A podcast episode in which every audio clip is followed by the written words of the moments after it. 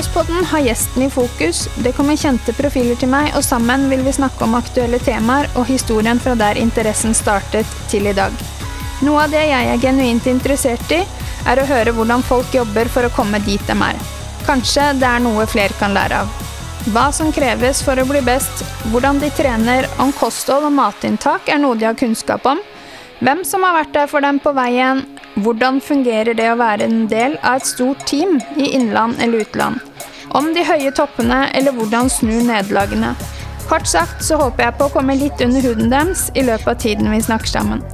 Selv er jeg bare en MX-mamma, den som skrur på syklene våre og nybegynner på banen. Sammen med gjestene så håper jeg dere vil høre historien deres både interessant og lærerik. Velkommen til Motocrosspodden.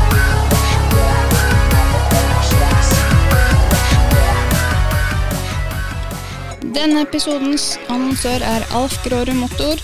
De er en av Norges klart største motorsykkelforhandlere og har gjennom snart 40 år levert motorsykler, crossere, deler og utstyr til hele landet. I mange år har Alf Grårud Motor gjennom sin AGM Racing-satsing støttet opp under motocrossmiljøet og tilbudt svært gode rabatter på alt fra crossere og crossutstyr til deler og dekk. Alf Grårud Motor og agmshop.no er en 100% norsk butikk med varer på lager i Norge for raske leveranser. Her møter du alltid kompetente ansatte og topp kundeservice. Alf Grårud Motor er forhandler av Yamaha, Honda, Kawasaki og Triumph. Og alle de kjente utstyrsmerkene som Dainese, Klim, Alpine Stars med flere. De tilbyr også et rikholdig utvalg av reservedeler, dekk og tilbør til alle kjente motorsykkelmerker. Besøk Alf Gråre Motor på Borgenhaugen ved Sarpsborg eller nettbutikken agmshop.no. 2021, Anita. Ja. Hva er dommen på 2021? Eh, 2021-sesongen den har vært helt eh, sjuk. Ja. Eh, for min del så har jeg jo Hvis det er det du tenker på, resultatmessig og løpene jeg har kjørt og det, så så har jeg Jeg vet ikke, jeg sitter med vanvittig stolthet over at Mm. jeg, eh, om man skal snakke om alder, har klart å prestere på det nivået som jeg har gjort, eh, Mm. med de resultatene som jeg har fått. Eh, det å klare å vinne den åtte timers Dakar-klassen på Haslemoen og kjøre alene, og faktisk ikke være så himla langt unna tolv runder på på de åtte timene. Ehm, det syns jeg var helt vilt. Den Mm. henger vanvittig høyt. Mm. Eh, Andreplass i enduro-NM for ikke mange helgene siden. ikke denne helga, men forrige helg. Det var også sånn eh, som jeg aldri hadde sett for meg skulle være en mulighet. Nei. Så helt sjukt. Og så har vi motocrossen, da, som har jo ikke fått kjørt så mye motocross pga. korona. Nei. At eh, crossbanen har vært stengt for oss over 20. Mm. Så da har det blitt en del endurokjøring. Men jeg ser jo at jeg har profitert på det også. At Mm. den endurokjøringa har hjulpet meg mye i crossen. Og jeg har gjort et par ting i Østlandscupen der og på lag-NM som ikke jeg helt eh, så for meg. Ja, ja, ja. Du har jo virkelig blomstra. Det har vært, det, det har vært vanvittig artig. Ja, du har jo Eh. hatt noen kjemperesultater, og jeg tror nok kanskje ikke vi som står på utsida, er så eh, Kall det sjokkert som det du er, fordi at vi ser nok kanskje deg med litt andre øyne. Um, vi ser jo hva slags jobb du legger ned i dette her. Det er trening på utsida, det er løping, det er eh, PT-timer, det er mat. eh, og du har på en måte hele den pakka, da. Så jeg, er ikke sjokkert. Og det tror jeg ikke det er så mange andre som er heller, egentlig. Fordi at eh, den jobben du legger ned, den er ekstremt Du er dedikert, da.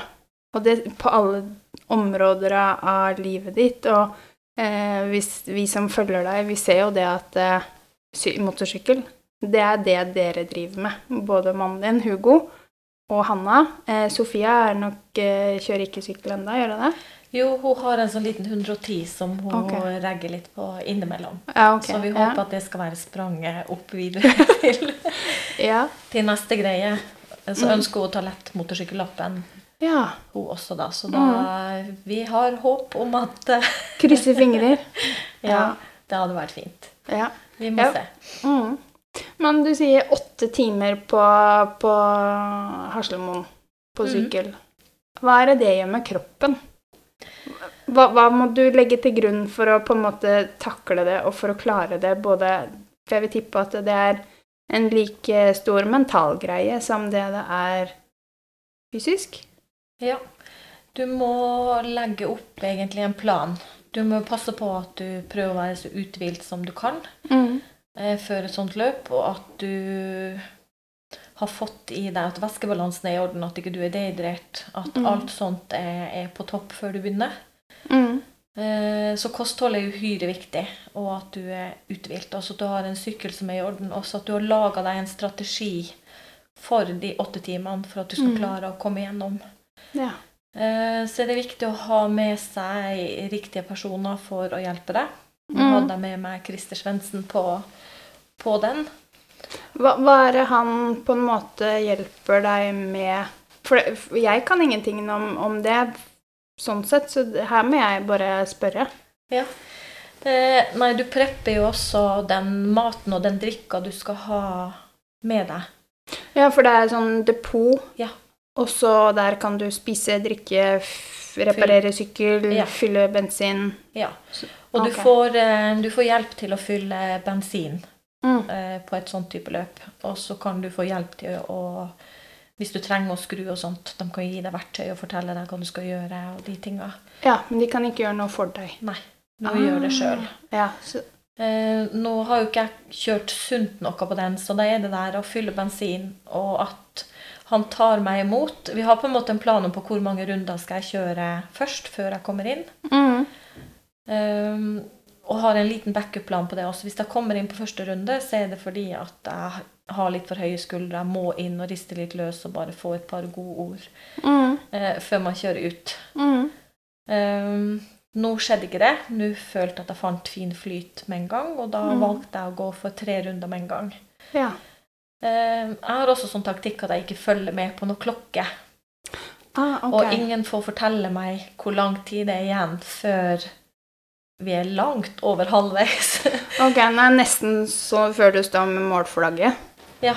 Okay. Du får, har jo på en måte en sånn viss peiling, for du vet hvor lang tid du bruker på en runde, men jeg fokuserer ikke på, på det. Jeg prøver Nei. å fokusere på arbeids, arbeidsoppgavene som jeg har der og da, på kjøringa mi, på det Mm. strekket jeg skal kjøre, at jeg vet nå hva som kommer, hva jeg skal være obs på. Mm. Passe på å stå riktig og hvile der du kan hvile. Mm. Eh, samtidig så kjørte jo Andrine også det her eh, løpet. Mm. Og hun er jo veldig rask, og Ja. hun er raskere enn meg. Og, um, og da måtte jeg tenke på at jeg må prøve å legge opp et relativt høyt tempo fra start. Mm. Også med tanke på at jeg hadde i bakhodet har jeg nå sjanse og mulighet til å kunne sikte på noen tolvrunder. Ja. Jeg kjørte elleve i fjor, og Mm. da prøver man jo å strekke seg litt til neste år på hva man skal Ja. prestere. Er løypa lik Hvis du hadde reist opp dit i dag, hadde løypa vært lik i dag som den er på, på det åttetimersløpet? Ja, jeg tror de kjørte omtrent akkurat samme traseen okay. både i fjor og i år. Så Mm. du vet litt hva som kommer. De har jo mulighet Ja. til å gjøre endringer. Um, så du må på en måte bare være innstilt på at dette blir en lang arbeidsdag på sykkel. Ja. Og så trykke på og kjenne litt etter på kroppen hvor, hvor er det vondt han kommer, for det blir vondt. Mm. Eh, og så vet du at det er egentlig bare midlertidig. Mm. Så at du må klare å stå i det. Ehm, og så er det det at da telte ikke jeg én og én runde, men da telte jeg tre og tre runder. Ja. Da kommer du mye fortere til mål. ja, ikke sant? Ja. Uh, og når jeg visste at jeg var på ni runder, ok, nå hvis jeg kjører som i fjor, så er det bare to runder igjen. ja. Mm. Ehm, så at du må lage deg litt sånne strategier for å klare å trekke deg gjennom. Ja. ja, til dere som um, hører på. Eh, her er jo da alles eh, mor, Norges beste jenterekrutterer til eh, cross og enduro, Anita Pedersen. Grunnlegger, en av grunnleggerne til Dirtbike Girls. Men det er du som drifter og eier Dirtbike Girls i dag. Ja, det er det. Teamet for har 70-80 Ja, vi var 76. 76 i teamførere fra alder Fem år og oppover. Jeg tror det er den eldste sjøl på 49. Ja. Og da er det jo i alle, alle ferdighetsnivåer. Ja. Det er fra nybegynnere til de som er mer erfaren. Mm. De som har ambisjoner bare om å ha det gøy på banen, til de som ønsker å satse litt eller finne ut på Mm. hvor man har lyst til å legge seg. Ja, ikke sant? Både motocross og enduro. Ja. Eh, du har jo gjort en Jeg tenkte vi skulle snakke egentlig aller mest om, om jenter og, og litt eh, Jenters betydning i sporten og litt sånn, men, men du har jo gjort noe i Norge innen rekruttering av jenter til sporten som ingen andre har klart. Hvordan er det å jobbe for å klare det her? Det er jo Nå begynte jeg å kjøre motocross veldig seint sjøl. Mm. Um, og ble medlem i Lunder da først, og der var det noe som het kjerringcross. Oh, ja. uh, da var det jo rett og slett lagt til, for, til, lagt til rette for oss at uh, vi skulle kunne få ha en egen trening. Mm. Eh, og da får du øvd opp ferdigheter. Du får bli trygg på, på banen før du slippes ut til ulvene og resten av gjengen. Ja. Ehm, så det var nok veldig viktig for meg, og at jeg kjørte på en, en sånn hardbane som var Mm. relativt lett å mestre. At det var på en måte sykkelen og giringa og kjøringa jeg kunne konsentrere meg om, Mm. og ikke kanskje et veldig mykt underlag. Nei. Det har litt med motivasjon å gjøre, hvor vanskelig du syns det er, eller hvor gøy det er Mm. når du begynner. Uh, og så etter hvert som jeg får kjørt litt, så treffer jeg på andre jenter og damer som kjører, og det er jo ikke veldig mange. Nei. Og etter relativt kort tid så ble jeg jo spurt også om jeg kunne stille i NM for at det skal bli status i klassene, at du er litt sånn Mm. Ja. Ja. ja. Eh, jeg har aldri sagt nei til en utfordring eller sånne type ting. Nei. Så det må jo testes ut, så da Ja. håper vi det. Også i enduroen gjorde jeg det da med Du er en uredd type.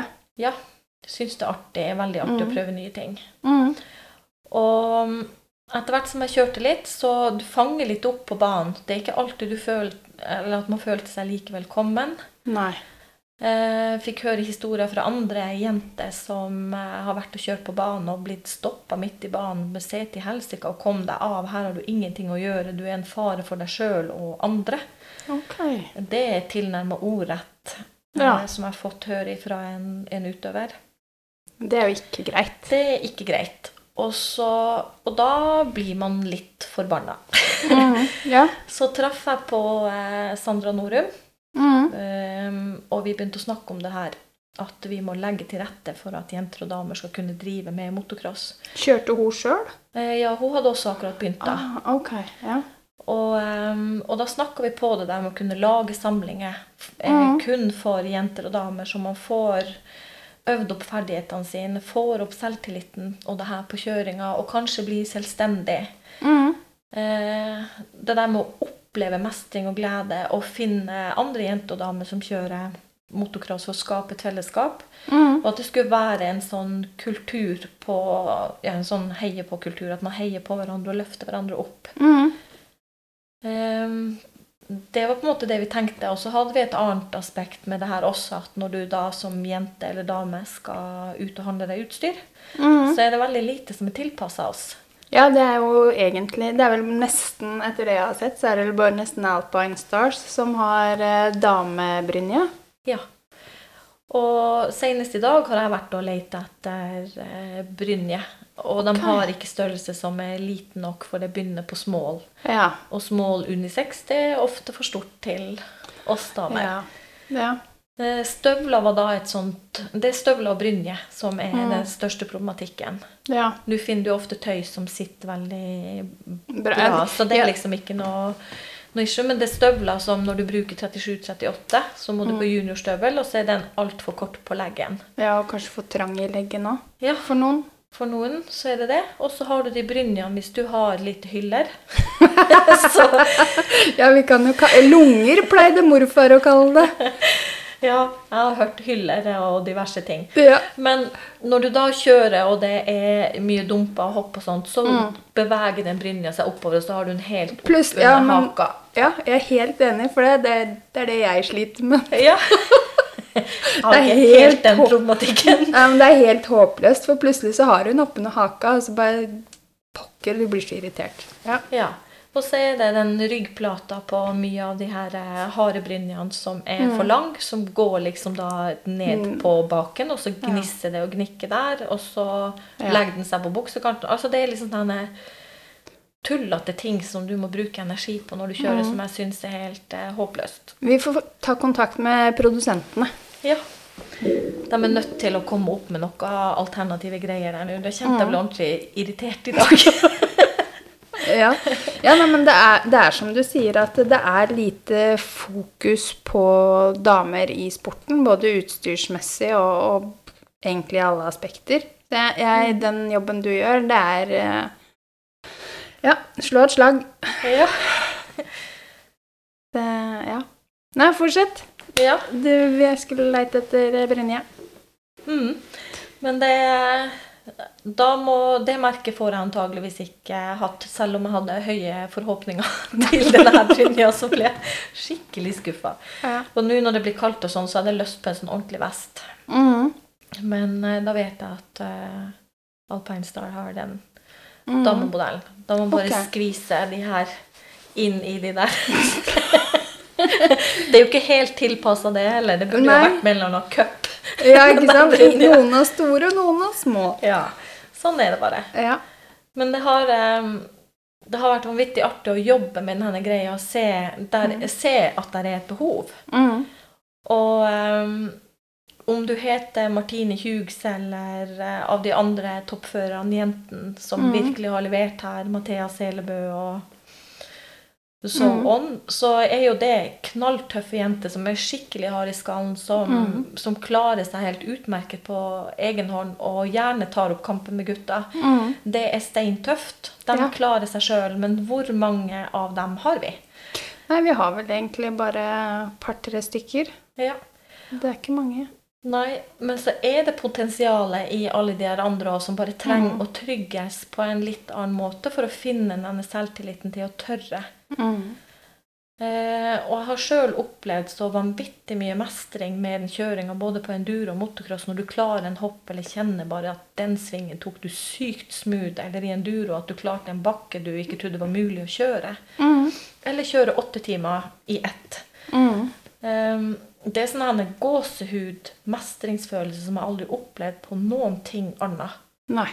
Og tenk det om alle de her andre jentene da i Dirtbike Girls og de hvor håndball og fotball kanskje ikke er noe for dem, eller annen type idrett, får får tørre også å få komme inn under trygge forhold og få testa det her ut. Og få blitt Mm. med oss og få kjent på denne følelsen. Mm. Um, Jeg har jo stått, vært med på mye løp rundt med de her minigirlsa våre Mm. og de andre jentene. Eh, Når andre jenter har stilt på NM, eh, livredd. Ja. Eh, Står med tårene i øynene før man skal kjøre ut for at man er så redd. Mm. Um, og så når de kommer i mål, at, Mm. altså hvor det glitrer i øynene når man har klart å få til en målsetning, om det er et enduroløp, sånn som nå på Gotland sist, Ja. skulle kjøre én runde, man klarer to runder, jeg hadde mål om tre runder, men klarte fire runder. Ja.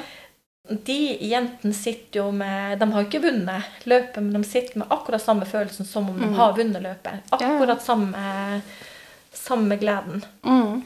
Og på en måte bare overprestere i forhold til hva du har trodd. Den Mm. følelsen er helt uvurderlig, og den unner jeg alle å kjenne på. Ja. Men, men du, hvordan på en måte var det, var det Hugo er jo mannen din. Ja. Eh, var det han som på en måte fikk dratt deg litt inn i For han også kjører jo både motocross og enduro. Var det han som på en måte fikk dratt deg litt inn i dette her, eller er det noe du har holdt på med? Nei, når jeg var um, jentunge, tenåring, tidlig, tidlig i tenårene, så eh, hadde min eldste søster fått seg en ny kjæreste, og han hadde en crosser. Å, det her var oppe i Alta. Ja. Eh, og da fikk vi være med på den crossbanen. Og så Mm. fikk både jeg og lillesøstera mi, Janne, Ja, lov til å prøve denne her. eh, Og det var en Ystad 125. Oi. Vi fikk kjøre på banen. Og da var eh, det var, altså det var som å komme hjem. Mhm. Det var sinnssykt artig. Og det var sånn at det her vil jeg begynne med. Ja. Det her er sporten for meg. Det her må jeg bare få lov til å, å mm. gjøre. Og rett hjem eh, etterpå, da lå mamma på sykehus, og hun var nyoperert i Hammerfest, så vi kjørte jo dit på besøk. Mm. Og da måtte jeg fortelle mamma at jeg hadde kjørt motocross, og at det her hadde jeg sinnssykt lyst til å begynne med. ja. Eh, og da lå hun kobla til diverse remedier på det sykehuset der, så den pulsen gikk jo rett i taket, og det gikk noen Alarmer. alarmer. Så da snakker vi ikke mer om det. Det, nei. Så, så det her er jo rett og slett en sånn drøm som er realisert Ja. i voksen alder. Mm. Uh, og når jeg traff Hugo da etter hvert, så hadde jo han en crosser. Ah, Ja. Og gjett om det var en drapsmaskin av en annen verden. Ja. Det var vel en eller annen slags Huskverna-sak. Det var jo 500 totakt. Kødder du? Nei, jeg kødder ikke. Og eh, den dreiv vi og kjørte i et grustag i, i Gamsdalen. Ja. Ja. Og den måtte jeg lene mot et tre, og så sto jeg og hoppa på kiken med begge beina for å klare å tråkke start på det der droget. ja, det tror jeg på, for det er jo sikkert bra komp i det. Eh, Ja, jeg er sikker på at hadde den eh, Den hadde sendt meg til skogs. hadde truffet riktig. Det var helt sjuk sykkel. Ah. Men det var veldig sånn sporadisk på den. Og så så kjøpte han seg en YZ 125 etter hvert. Og vi Mhm. var på Lunder, så fikk jeg låne den litt. Og så fikk vi nyss om den kjerringcrossen som var på Ja, Lunder på torsdagene. ja riktig. Så da begynte jeg der etter hvert, og så mm. kjøpte vi en YZ til meg også. Og så begynte jeg å sikte på bakskjermene til eh, de som var raskere enn meg. Ja. Men det er jo et stykke fra, fra det å kjøre kjerringcross eh, sammen med Sandra til det å ha skapt det eh, dere du har gjort i dag, da. Det er jo, det, jeg regner med at det har ikke skjedd over natta. Det, Det har ikke skjedd over natta. Men det her er, det her er jo min passion. mm, Det er eh, eh, det, er nesten vanskelig å sette ord på hva denne sporten betyr for meg. mm, Eh, For det første så har jeg en ganske hektisk jobb. Det Mm. er mye baller i lufta, og også med Girls og teamet som bare vokser og vokser. mm, eh, Og to barn som skal følges opp. Eh, Men motocross for meg er også rekreasjon. For når Ja. jeg ja, motocross og enduro, og når jeg tar på meg hjelmen, så er det jo stille i hodet og ikke er Mm. tilgjengelig på mail eller telefon. nei. Så blir nesten sånn en terapi. Ja. Throttle-terapi, så, Mm, som mange ikke refererer til. Da er du fokusert på det du skal gjøre der og da. Mm, Eh, Så er man litt sint og frustrasjon, ja, du kan slå på en boksesekk eller hva som helst, men du kan også like gjerne hoppe på en, en sykkel og kjøre det av deg. Få Mm. det ut. Ja. Og du blir aldri ferdig utlært. Det er Nei. stadig noe å strekke deg etter. mm, Og alltid når jeg har begynt med noe Jeg har jo vært en, jeg er jo gammel håndballspiller. Spilte håndball og fotball også i barndommen, men håndball langt opp igjennom mm, åra. Um, men har nok trakta mer på denne individuelle idrett. Så jeg har løpt mye, løpt Mm. Birken og sånt nå. Oh, ja. Og da når jeg begynner med noe, så må jeg på en måte prøve å se OK, hvor langt kan vi ta det her Ja. under de rammebetingelsene som jeg har? Hva Mm. klarer jeg med det her? Så du blir jo veldig løsningsorientert på Mm, både tidsklem og det ene og andre for å få skvisa inn trening. ja. Så alt blir jo veldig detaljstyrt på for at jeg skal få tid til det. Men da Mm. legger du til rette å bruke tid på det for at det er så viktig for meg.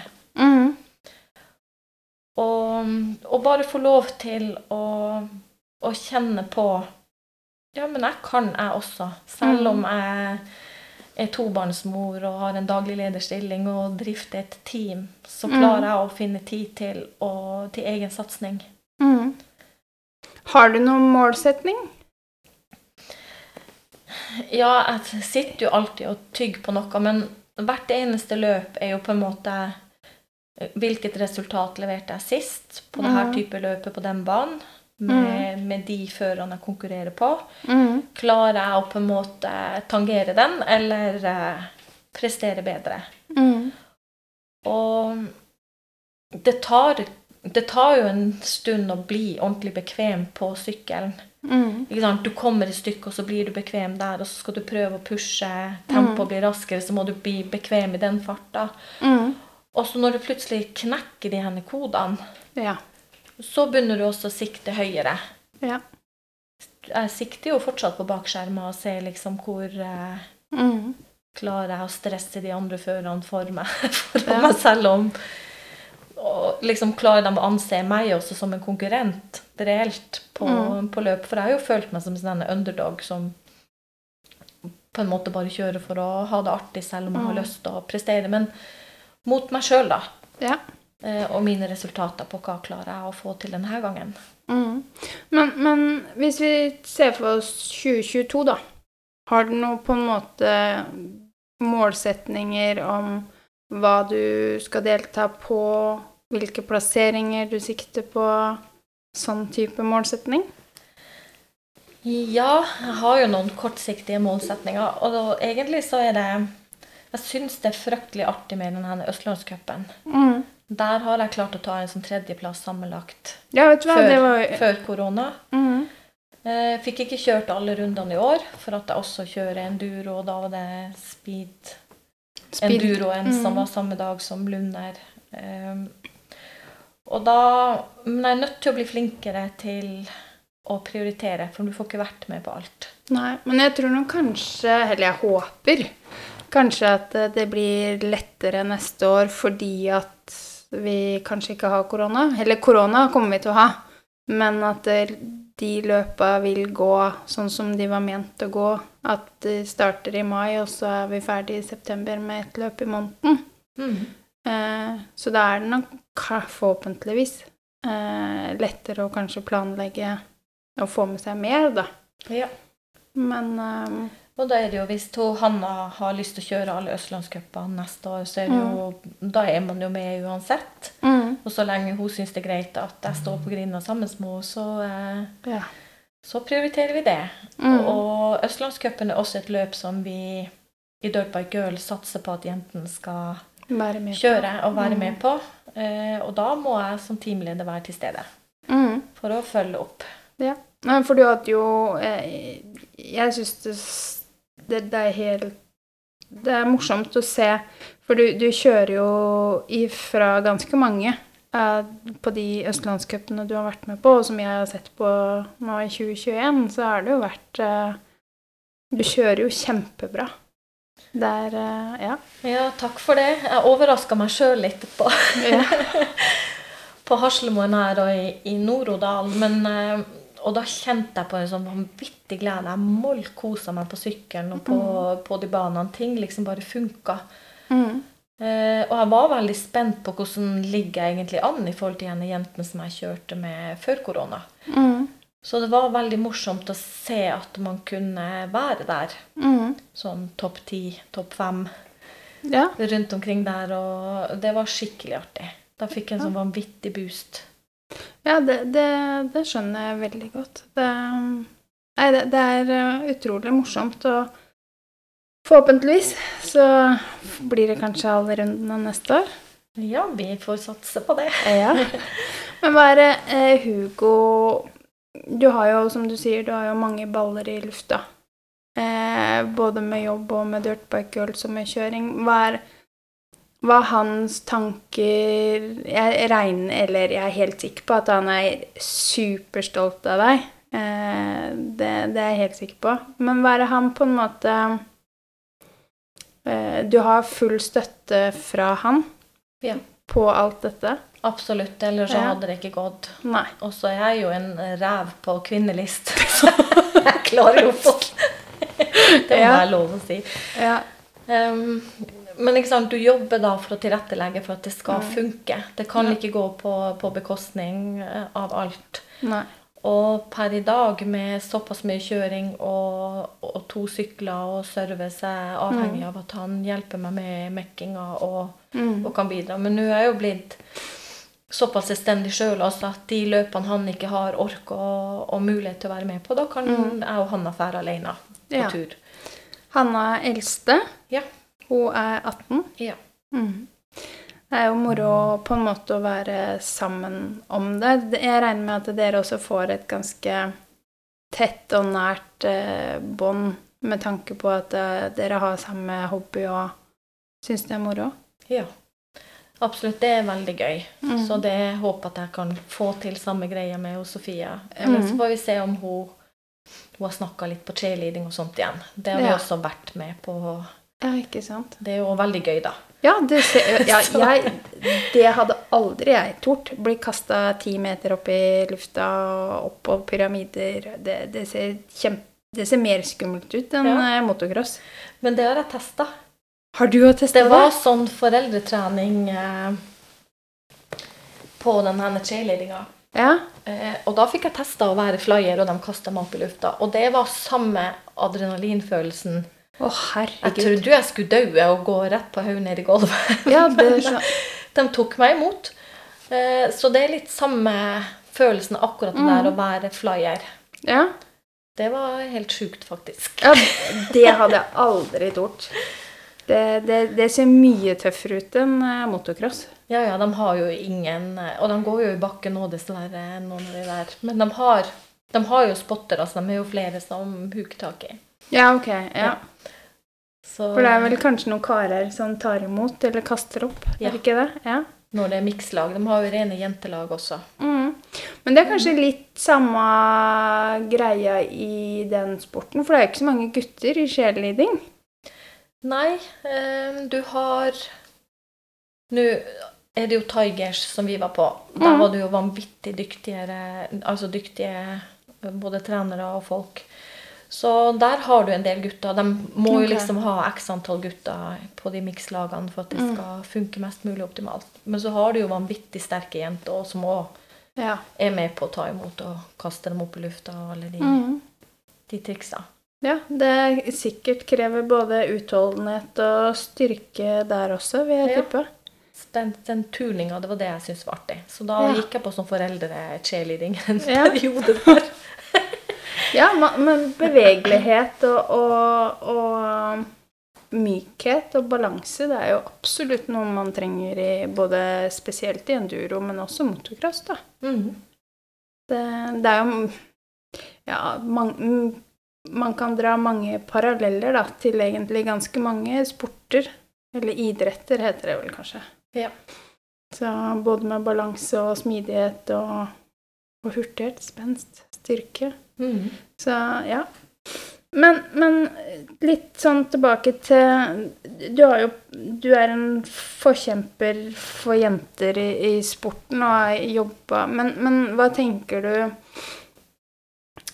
kan være neste neste neste skritt da, i forhold til det å bli sidestilt med gutta? I motorsporten, Mm, ja, kanskje aller helst motocross. ja, motocross Det er eh, Jeg vil si at det å på en måte bli behandla helt på lik linje med gutta når det gjelder klasseinndelinger, Mm.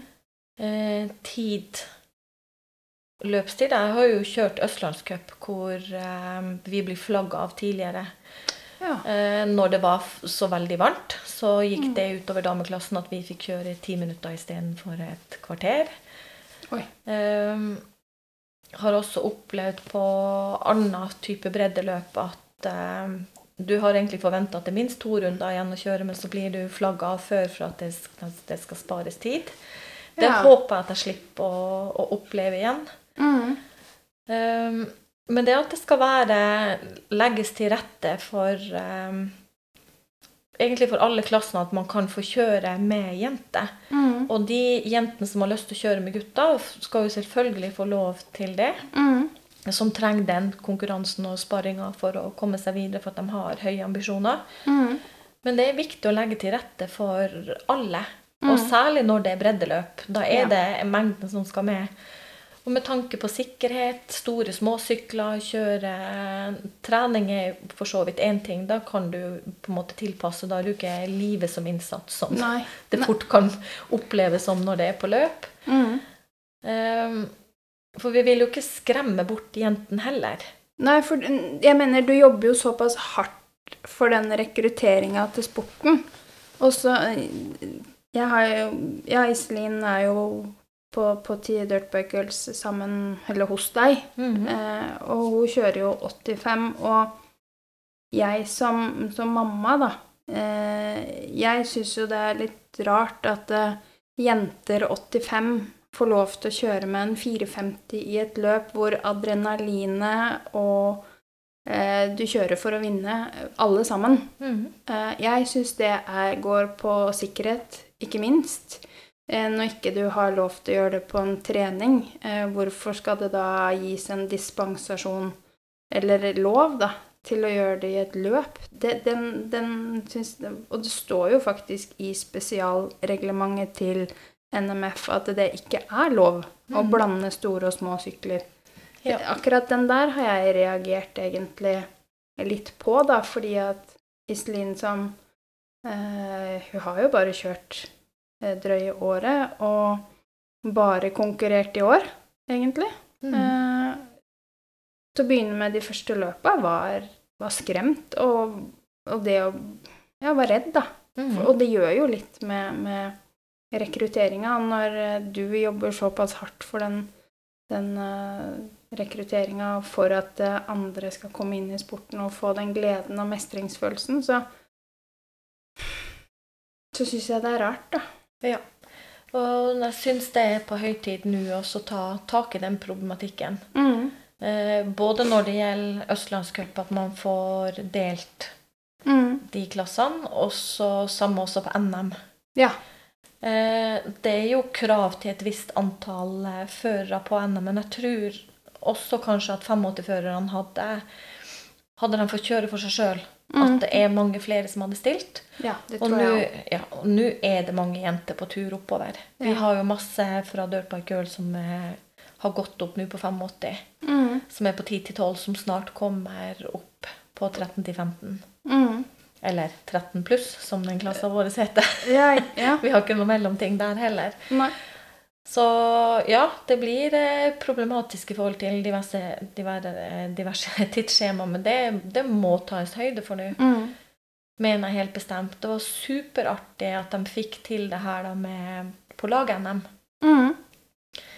eh, Med egen dameklasse. At de har lagt til rette for det. Eh, og, men nå må man se på den problematikken på, på andre løp også, mener jeg Mm. bestemt. Ja. Ja, for du har jo gutter som kjører eh, to klasser, både 85 og 125 i MX junior. Eh, jeg vet at eh, det er flere der. Iselin har også begynt å kjøre litt på, på 125, og kunne også tenkt seg å kjøre både 85 jenter og eh, damer, da. Mhm. Fordi at hun har ikke noe å gjøre i MX junior eh, 125 gutter. Det, da, det, det, der har jeg ingenting å gjøre enda, for å si det sånn. Nei, men når hun er klar for det, så, Det så de skal det være en eh, Ja. Så skal det være en, en mulighet. Det skal, ja, for det burde Mm. være en, på en måte en overgang, da, tenker jeg. Ja. Eh, jeg, jeg vet ikke helt eh, hvor man skal liksom prøve å ta Jeg vet jo at det er noen i den AMX-komiteen som har tatt opp problematikken, og at det skal ses på, men jeg håper jo virkelig at det blir ordentlig tatt tak eh, i, og tatt høyde for at jentene kan, kan deles da, sammen med, da, med damene. Mm. Og det har jo litt med sikkerhet for damene å gjøre også, ikke bare det eh, for de små og rekrutteringa, men det har jo litt med Kan jeg tenke meg, da. Nå har ikke jeg kjørt noe løp, men som dame på en 250 eh, det er, vel, er det noen som kjører 450? Eh, Jeg tror ikke det er noen som kjører eh, 450 nå, men det er vel noen 350 ute på banen, vet jeg. Ja. Ja, Men nå får du ikke kjøre noe større enn 250 på NM. Nei. Nei og, og da er det jo ikke noe morsomt å være den som meier ned ei lita jente på 13 på en 85. Nei. Jeg kan aldri tenke meg at det hadde vært noe kult, i hvert fall. Nei. Eh, jeg skal være helt ærlig at eh, jeg også sånn driver og drifter teamet Dirtbike Girls når jeg konkurrerer Mm. i den klassen, så det er nesten litt vanskelig for meg å komme med i race-modus. For at Mm. tenk om jeg skulle være så uheldig Mm. at det skulle skje noe, at jeg kjører over en eller Mm. forårsaker at de skader seg eller et eller annet sånt. Så jeg kjenner veldig på det sjøl. Mm. Og så har du jo de som virkelig går for å vinne, da. Mm. Eh, og man skal klare å passere på en, en safe måte, men hvis du da er der, og så kniver du Altså, vi var jo faktisk fem personer på ene Østlandscupen som kjørte på omtrent samme tida. Ja. Da kan det bli trangt i en Mm. sving, og hvis du da tar igjen noen av de som er nye Mm. Det er jo fryktelig kjedelig for den nye òg, hvis du blir vettskremt der. Mm. Og at det er det du skal sitte med gjennom av opplevelse etter et løp. Mm. Eh, særlig for meg som jobber veldig mye med rekruttering, så er det litt sånn her katastrofetankegang på hvordan skal vi klare Ja. å, å ivareta det her, at alle klarer å komme ut av det med en god følelse. Mm. Også de som virkelig satser og går for å vinne eller har ambisjoner om en eller annen plassering. Mm. At de må få lov til å, å få gønne på, på det. Mm. Ja. Eh, og så syns jeg det blir helt feil å da si til 85-førere Det er jo helt nybegynnere også på den grinda, men det er også 85-førere som kjører dritbra og fletter, mange av de med store sykler. Mm. Men, men de klarer seg sjøl, som jeg har sagt. Det er Ja. de her andre som vi trenger eh, å ta i vare på, som er flesteparten. Mm. Så mm, det er uhyre viktig at de kommer ut med en sånn mestringsfølelse og ikke er livredd og med Mm. tårene i øynene og ikke har lyst til å stå på grinda igjen. Det er jo ikke det vi vil oppnå. Nei, nei, for da, da, da mister man jo mange på veien igjen. Mm. Da har man med, med de opp til 13, og så mister man dem, da. Ja. Og det, det er jo ikke det som på en måte er meninga. Nei. Og nå fikk man jo tilrettelagt for den her jenter 65-klassen i Østlandscupen. Det er fantastisk bra. Mm. Men nå er mange av de kommet over på 85. Ja. Så ehm, ja, for det var ganske mange jenter i 85, 10-12, i hvert fall på de siste østlandscupene. Ja. Da var det jo ganske mange. mm, Og det er jo sinnssykt moro. det, er, det er skikkelig gøy. Ja. Så det er moro å se at det, det blomstrer og det er på vei opp. Mm. Eh, og når jeg nå ser på teamet vårt for 2022, det er jo satt, så er vi jo nesten 100 førere i teamet. Oi. Og vi er over 30 bare i denne minigirls-gruppa på Østlandet. Oi. Så har du de som er på Sørlandet, også har vi minigirls på Vestlandet. Og til Ja. og med opp i nord. Ja, Troms og Finnmark har vi også minigirls. Så, så det er Det blomstrer nedover, så det må ivaretas. Mm, ja. Hele veien. Ja, jeg, jeg syns det er Og jeg NMF og, klubbene har nok ikke klart å være så flinke i rekrutteringa med jenter som det du har vært. Eh, Nei, jeg vil tro de har litt å lære, kanskje. Ja, det er jeg sikker på. Siden man har fått det til på denne måten, da. Mm. eh, Og klart å skape noe som er attraktivt for så mange. Mm. Så er det jo et behov der ute, og det har det vært hele tida. Mm. Eh, Og nå har folk fått opp øya for at her er et tilbud for meg også. Ja. eh, Uansett ambisjoner og nivå. Mm. Og um, i forhold til klubbene og det, så, så tenker jeg første steget er å ha egne jenteklasser på klubbløp, for det vet jeg Mm. ikke er etablert alle plasser. Nei, det er riktig. Um, og det er når du klarer å skape et godt miljø. Nå har jo Enebakk klart å få det til, og det er jo masse jenter oppe på Mhm. Gardermoen, og vi har ikke fulgt så mange på, på Lunder, men, men prøve å skape det der fellesskapet. Det, det som jeg jobber veldig med på, på campene, Mm. det er at jeg prøver å se alle og få gitt alle en eller annen slags tilbakemelding og, og virkelig få vist at hver eneste person som er med i det teamet, både av den utøveren og foreldrene, at Mm. jeg setter vanvittig pris på at de er med, Mm. eh, og at de er ønska. Ja. Det der Jeg tror det er det mest grunnleggende, det å bli sett og føle tilhørighet, og at eh, her er det plass til meg, og Mm. eh, at å få klare å skape det på et vis som er det aller, aller viktigste. Og at det er Mm. tilrettelagt for eh, hver enkelt på det nivået de er. Mm. For vi jenter og damer vi er jo vanvittige til eh, det der å kjenne på og føle seg i veien. Og, Ja. og da kjører du av banen og parkerer. Mm. Eh, helt riktig. Ja, da får ikke du øvd på det du burde få trent deg opp på for å bli trygg Mm. og bygge opp selvtilliten din på, på kjøringa di. Eh, og så blir du borte. For Ja. da er det ikke noe gøy. Det her har jeg jo kjent på ganske nylig sjøl. òg. Ja. eh, kanskje det var mye som spilte inn eh, opp i hodet mitt sånn rent mentalt før det løpet på Gotland. ja, ja, for du var jo med på Gotland. Ja. Og det var første gang du var med på, på Gotland. ja. Har ikke kjørt det løpet før. Så eh, Og da stilte jeg i damer elite på lørdagen. Mm. Eh, har på en måte tenkt hele veien på har jeg noe i den klassen å gjøre, og snakka meg sjøl litt ned, kanskje i utgangspunktet. At man ikke føler seg som Altså For meg så er det liksom Det er veldig stort, det, å skulle kunne melde seg på i en eliteklasse. Og kjenne på tilhørighet der, og snakke med flere. Jo da, der har du absolutt noe til å gjøre. Mm. Ehm, stille til start og føler veldig på, på nerver og det, og starten går, og helt fantastisk opplegget på Gotland og alt det der. Mm. Vi kjører av, av gårde, det er sylglatt. Du kjører i kø nesten hele første runden Ja. og jobber med å prøve å knekke koden på hvordan du skal klare å mestre det underlaget å kjøre på. Mm. Er det ulikt alt annet du har kjørt på? Ja, nå trodde jeg jo igjen at jeg hadde kjørt på alt som var å kjøre på, men det Mm. dukker stadig opp noe nytt. Blir aldri utlært. sånn som isholka med slush-gjørme på, på Haslemoen under NM, til Mm. det her, kalkstein. Eh, aldri vært så tørt på Gotland noensinne, og de Mm. påsto at det var glattere noensinne, selv når det Ja. var tørt på, den, eh, på kalkstein. Og når jeg da kommer på runde nummer to, så begynner jeg å knekke litt koder, skjønne og klare å løfte blikket og senke skuldrene litt, og føler Mm. sjøl at det flyter på ganske greit. Mm. Så blir man tatt igjen av de eliteguttene som kjører helt sjukt fort. da. Han første passerer jo med, med god margin, og det er jo relativt god og brei trasé.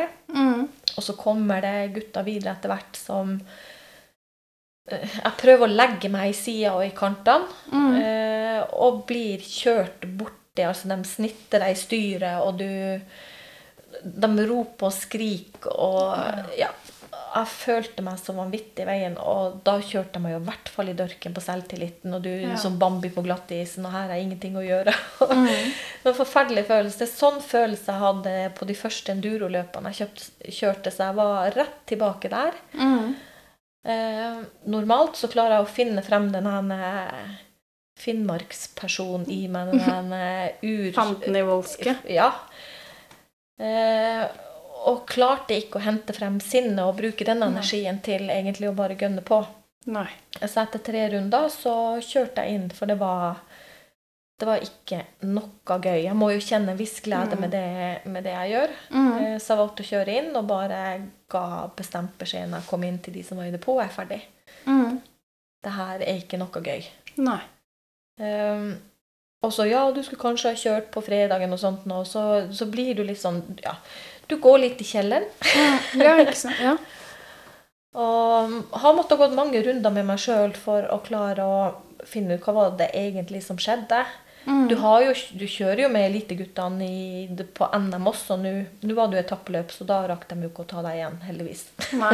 Neida, men på åttetimeren og de her andre tingene jeg har kjørt, så, så kommer jo dem også. Men Mm.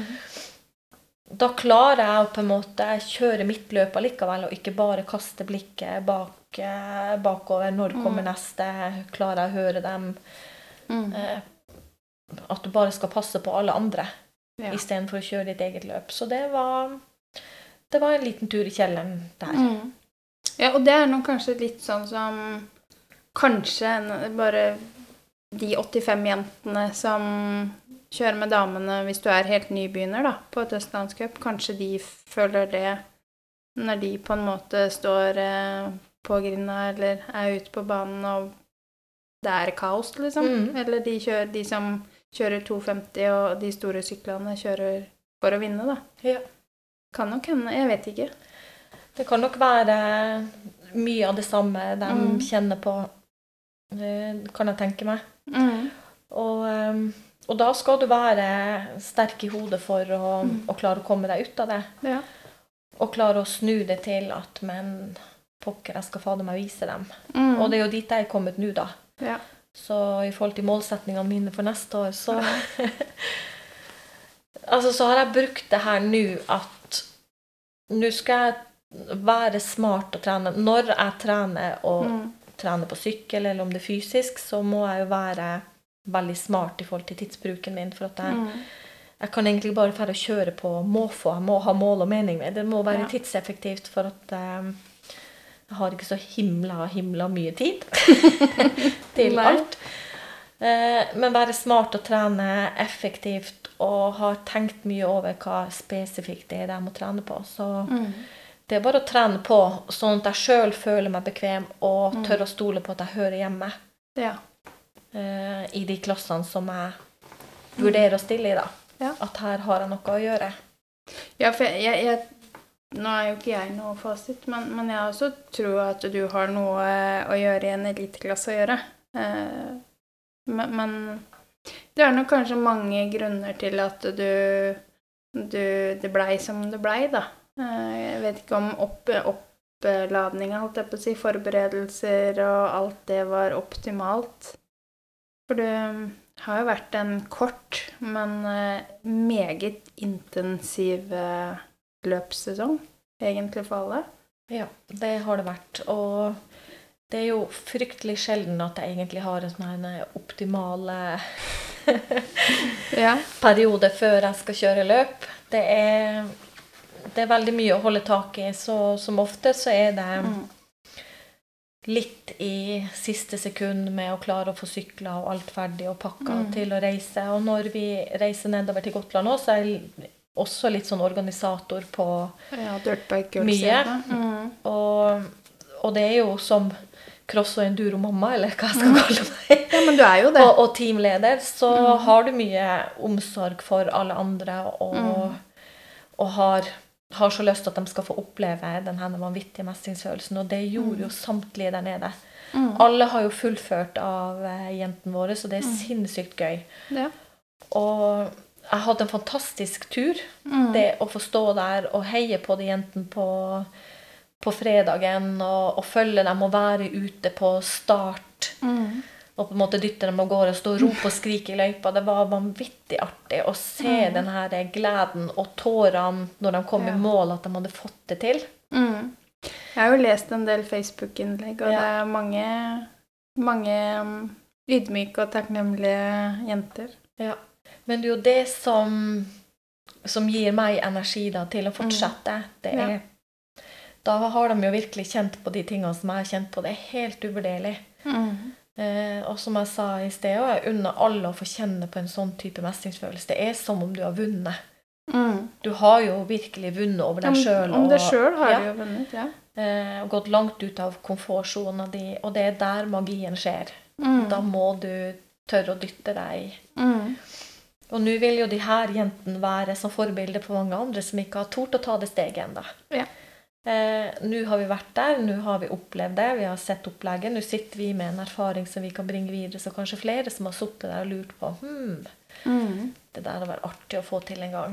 Og Men er det noe å kjøre med en crossykkel? Mange, mange, mange som kjører med cross. Ja. Så eh, det er ikke noe i veien for det. Nei? Og det er en, normalt en veldig rask bane. Mm. Så det er jo hard demping som gjelder. Så vi fikk jo anbefalt å stille endurosyklene på noen hardeste dempinger. Så, okay, ja. Ja. Mm. så eh, Blir det Gotland neste år? Ja, det regner jeg med at det blir. Når ja. kom jeg parkerte sist etter mm. runder, så var det bare Nei, nå har jeg vært her, nå har jeg gjort det. Been there, done that. Ja, det var det jeg satt med da. Men så må du tygge litt på det, og så tar man lærdommen av det, og så har det jo bare gitt meg masse Enda mer motivasjon for å jobbe mot eh, mine målsetninger. Mm. Jeg har nå unfinished eh, business som jeg skal få Mm. gjennomført en gang. Og da er det her eh, viktig å gjennomføre på veien. Mm. Ja. Mhm. ja. Nei, det er eh, Det står respekt av det der, altså. Det er, men det var mange nordmenn som var eh, på Gotland nå i år. Ja, det var mange nordmenn. Nå har ikke jeg tall på hvor mange nordmenn det var sånn over hele linja med jenter og gutter, men vi var jo eh, åtte norske. Mm. Så det var vi i Dirt Bike Girls, og så var Vilde Marie Holt var også der og kjørte. Mm. Hun tok en sjetteplass. Ja. Og Andrine en kjempebra niendeplass Mm. i eliteklassen. Da endte jeg på en 15.-plass av 19 førere Ja. med mine tre runder. Og det har jeg tenkt litt på. Mm. da tenkte jeg OK, men da har jeg jo kanskje noe der å gjøre. Du, Og så skal vi se at vi klarer å klatre oppover eh, på den til neste Ja. år. Og så har vi jo disse seks som kjørte på fredagen, som mm. også gjorde det kjempebra, som overleverte i Mhm. forhold til sine egne målsetninger. Vi hadde jo en ei svensk fører med der, ja, som heter okay. Celine, som vi stakkars ikke har fått sett så mye til nå de her to siste sesongene pga. korona, og hun bor i Sverige. Ok. Så- Ja, for hun har ikke jeg sett før. Nei. Mhm. Nå håper vi at eh, Nå er jo planen også å få kjørt noen camper i Sverige Mm. for neste sesong. Mm. Da blir det mye enklere. Hun hadde jo planer om å kjøre Østlandscup med oss og den biten, men Ja. Det er jo mange Eller det, ja, det er jo utrolig mange baner. Vi har bare vært på Eda og Arvika, men uh, Iselin digga dem. Det, hun syntes det var kjempemorsomt. Ja. Hun kjørte jo to runder av um, Skaraborgsfresen. Ja. Det, hun syntes det var kjempemoro. Hun bare Å, jeg vil dit igjen. så bra. Ja, så det Hun hadde lyst til å kjøre den finalen i, på Uringabanen. Mm. Og med de to løpa så havna jo hun på femteplass sammenlagt. Det, det er kanonbra. Ja, Og det var jo med en første- og en tredjeplass. Ja. Så, så vi bare 'Mamma, kan vi ikke reise?' Jeg bare 'Vet du hva, det er Stockholm'. Hadde vi på en måte planlagt litt, da.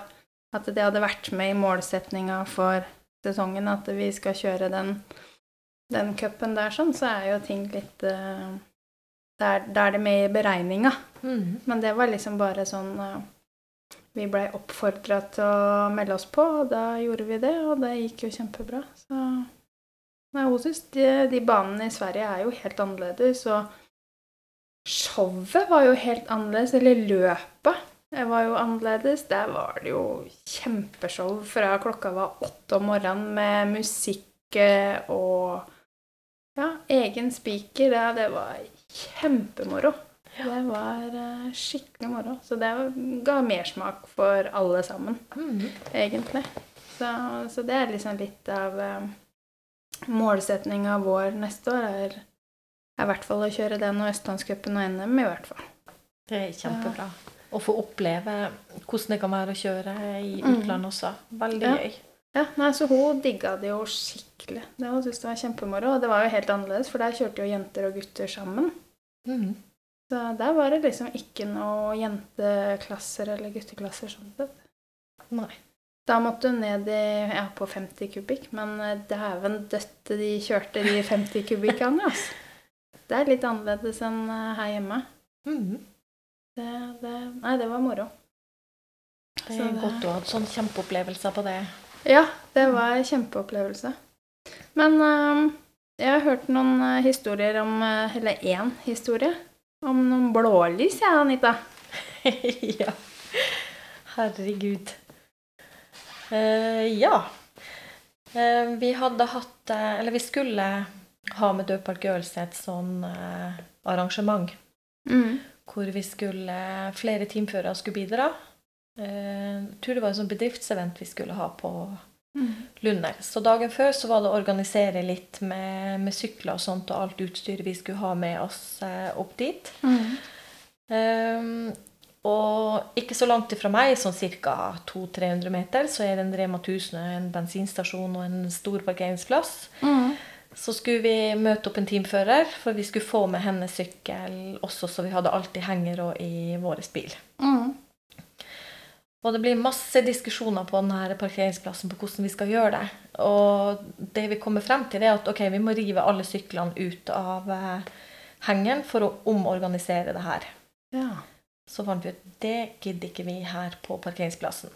Nei. Da kan vi heller kjøre hele ekvipasjen hjem til oss på gårdsplassen, og så kan vi omorganisere der. Og da kan jo kanskje noen bare kjøre den crosseren hjem. og så diskuterte vi mye, da fant vi ut at men den kunne Hugo kjøre. Ja. Eh, Og så bare Nei! Da må jo jeg kjøre bilen og hengeren, og så må jeg rygge det opp inn en trang sånn plass og sånn. Så var det, det går ikke. Jeg hadde akkurat hatt hengeloppen, så jeg følte meg ikke helt stødig på, på den. Eh, Så da gikk ikke det. Og hun som eh, leverte sykkelen, bare 'Men pappa, pappa, kan ikke jeg få kjøre den?' 'Nei, du har ikke Nei, det skal du ikke gjøre. Vi har dårlig tid.' Det, altså, det var liksom helt uaktuelt. Og så bare 'OK, men jeg kan jo kjøre den, da'. Og det ender jo med at jeg hopper på den tråkkestart på den crossen på eh, utfor Rema 1000.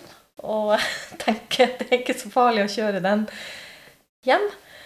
Og så hun som eier den sykkelen, satt i bilen, så jeg så akkurat idet jeg skulle passere, så tok hun opp telefonen. Og da regna jeg på at nå går hun på den ene gruppa vår på Snap, og så sender hun det. Ja. Så idet jeg passerer bilen deres, så slenger jeg ut foten liksom bare for å vinke av gårde og gjøre meg litt til. Og så kjører jeg pent og pyntelig opp denne den her eh, veien mot huset vårt. Og rett før jeg skal svinge opp til oss, så hører jeg bare uh, uh, og blålysene bak. Jeg fikk jo helt sjokk og bare stoppa den sykkelen. Tenkte jeg i alle dager. Og ut av den politibilen kommer det to betjenter, en mann og en dame, og bare Ja, vet du hvorfor vi stopper deg? Bare Ja, det vet jeg. Her kjører jeg en uregistrert sykkel, og jeg har ikke hjelm på meg engang. Ja, vet du hvor farlig det kan være? Ja, det vet jeg selvfølgelig. Ja, hadde du kjørt på noe nå, du kunne ha gått personlig konkurs, og jeg fikk liksom en reprimande der. Og bare, vet du hva, det er jeg fullstendig klar over. Jeg må bare legge meg helt flat og beklager så mye. Og um, ja, om jeg hadde sertifikater, bare ja, det har jeg.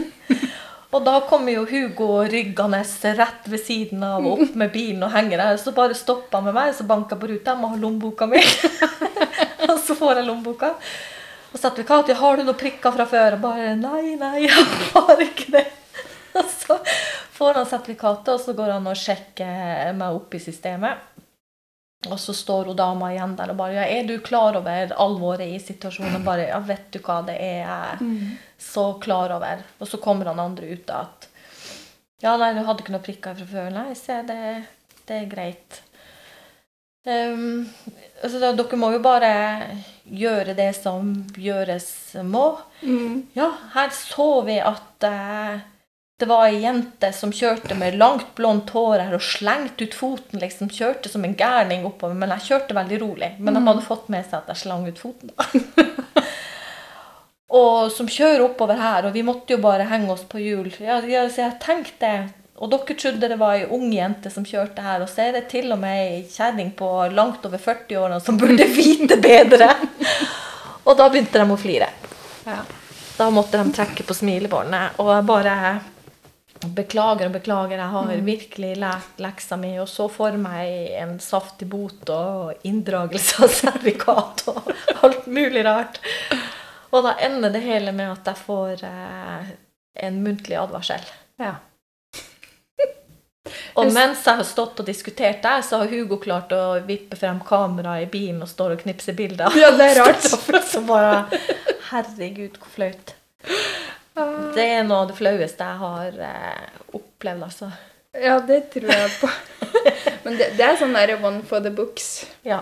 Den Det- eh, Huff meg. Jeg syns jeg ser deg.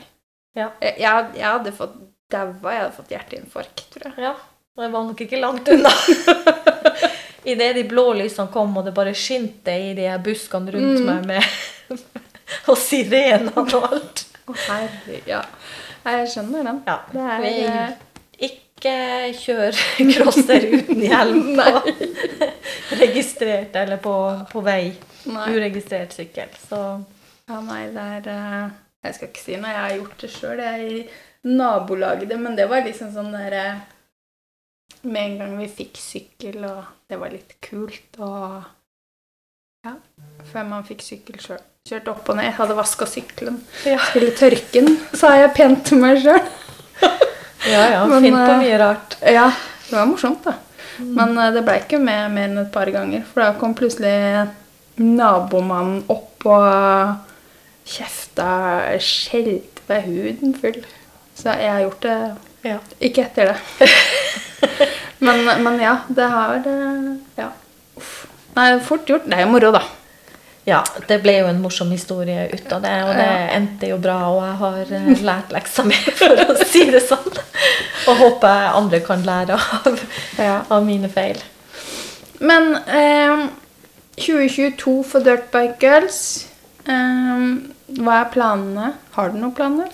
Ja, vi har eh, Det jobbes eh, med planer as we speak. Mm.